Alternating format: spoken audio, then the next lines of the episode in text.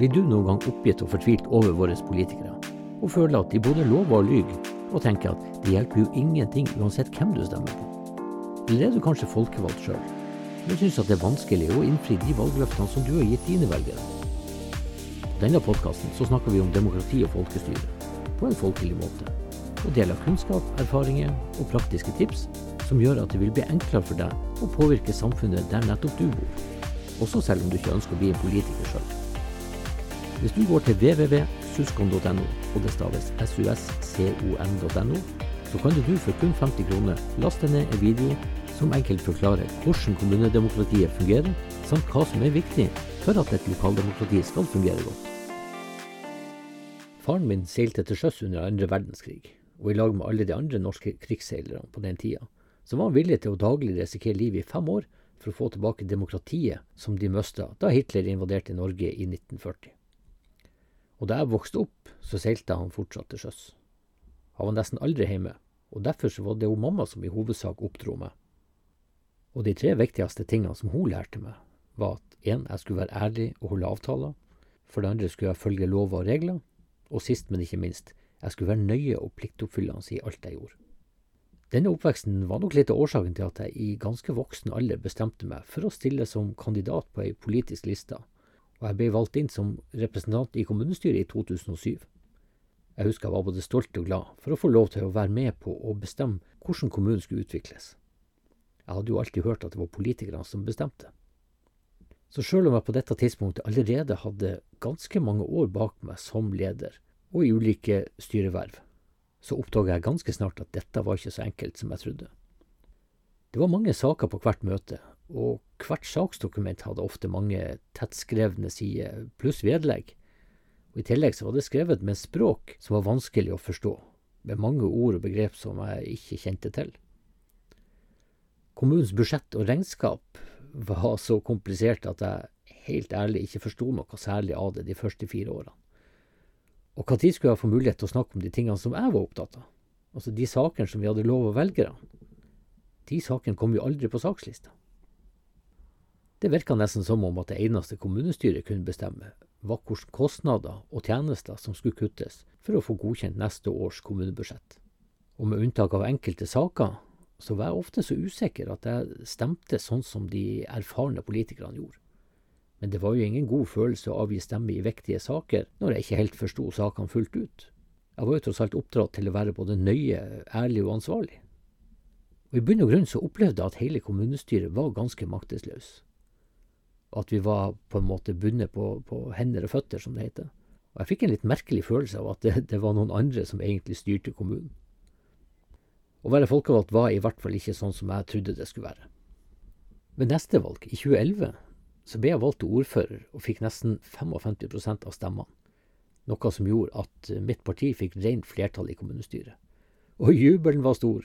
Nå skulle vi endelig få gjennomført alle våre valgløfter som vi hadde gitt våre velgere. Men jubelen varte dessverre ikke så lenge. For allerede i første budsjettmøte så ble det flertall i kommunestyret for å bryte vårt aller største og viktigste valgløfte.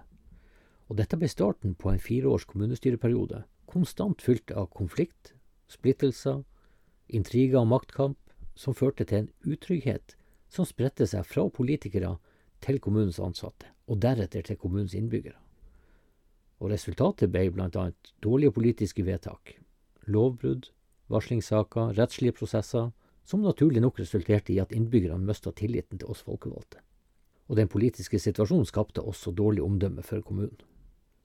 Men for å kunne holde avtaler, og være pliktoppfyllende og ansvarlig, så ble mitt hovedfokus som ordfører å håndtere alle disse prosessene, og forsøkte derfor å finne ut hva som var rett og galt, samt hvilke spilleregler som egentlig gjaldt i demokratiet. Jeg søkte etter svarene gjennom å dykke dypt i bunker med forskjellige lover og regelverk. Og der fant jeg svar på alle mine spørsmål. Så det er som det gamle ordtaket sier, det er aldri så galt at det ikke er godt for noe. For selv om ordførerperioden på mange måter ble et mareritt, så fikk jeg i løpet av disse fire årene en djup innsikt og en forståelse for hvor godt et lokaldemokrati virkelig kan fungere, samt en detaljert oversikt over hva man som folkevalgt kan og bør gjøre for å få demokratiet til å fungere optimalt. Etter denne turbulente perioden så ble jeg naturlig nok ikke gjenvalgt til ordfører, men jeg ble valgt inn som representant både i kommunestyret og i formannskapet. Og det ble en helt annen opplevelse enn det jeg hadde i mine første år som uerfaren kommunestyrerepresentant. Nå var det enkelt å forstå hva som sto i sakspapirene. Jeg visste nøyaktig hva kommunestyret kunne gjøre for å redusere antall politiske saker og mengden sakspapirer i hver enkelt sak, og samtidig styre kommunen på en bedre måte. Jeg visste hvordan jeg kunne få nye saker på sakslista, og hvordan jeg skulle formulere gode forslag til vedtak som ga god og tydelig politisk styring. Jeg forsto også kommunens budsjett og regnskap bedre enn tidligere, men det beste av alt, jeg visste nå helt konkret hva kommunestyret kunne gjøre for å forenkle kommunens regnskap, sånn at alle, både folkevalgte og innbyggerne, enkelt kunne forstå kommunens økonomi.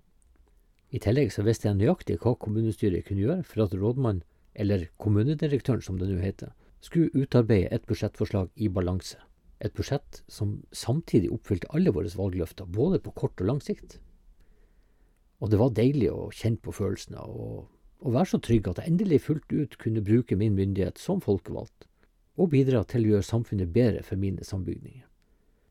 Det føltes også godt å ta selvstendige beslutninger, og stemme i tråd med min egen overbevisning, istedenfor å måtte herme etter de mer erfarne politikerne. Og nå var det artig og, og meningsfylt å være folkevalgt representant i kommunestyret. Jeg kjente på en stolthet over å endelig kunne bidra til det samme demokratiet som min egen pappa hadde kjempa for 75 år tidligere. Men etter tolv år, altså tre perioder i kommunepolitikken, så takka jeg nei til gjenvalg. Men det var en tanke som dukka oftere og oftere opp i, i hodet.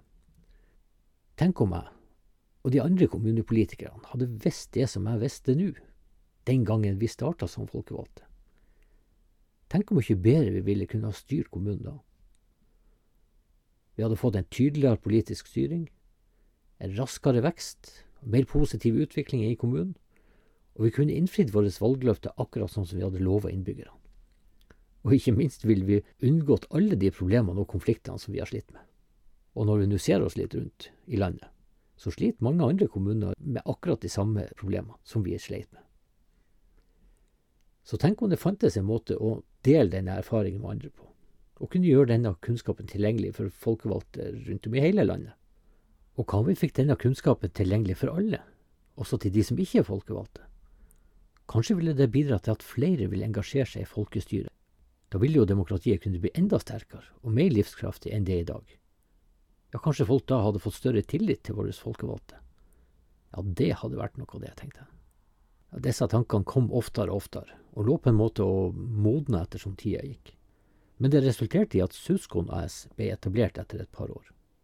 Og Suskon er et selskap som har som formål å bidra til en bærekraftig utvikling av samfunnet, gjennom å tilby våre egne og andres erfaringer til mennesker som har lyst til å gjøre demokratiet enda bedre enn det er i dag. Og for å gjøre kunnskapen enda mer tilgjengelig for enda flere, så har vi nå etablert denne podkasten som du nå hører på, som heter Demokrati og folkestyre og vi håper at du får både stort utbytte og glede av å følge oss som lytter her. Hjertelig velkommen skal du i alle fall være.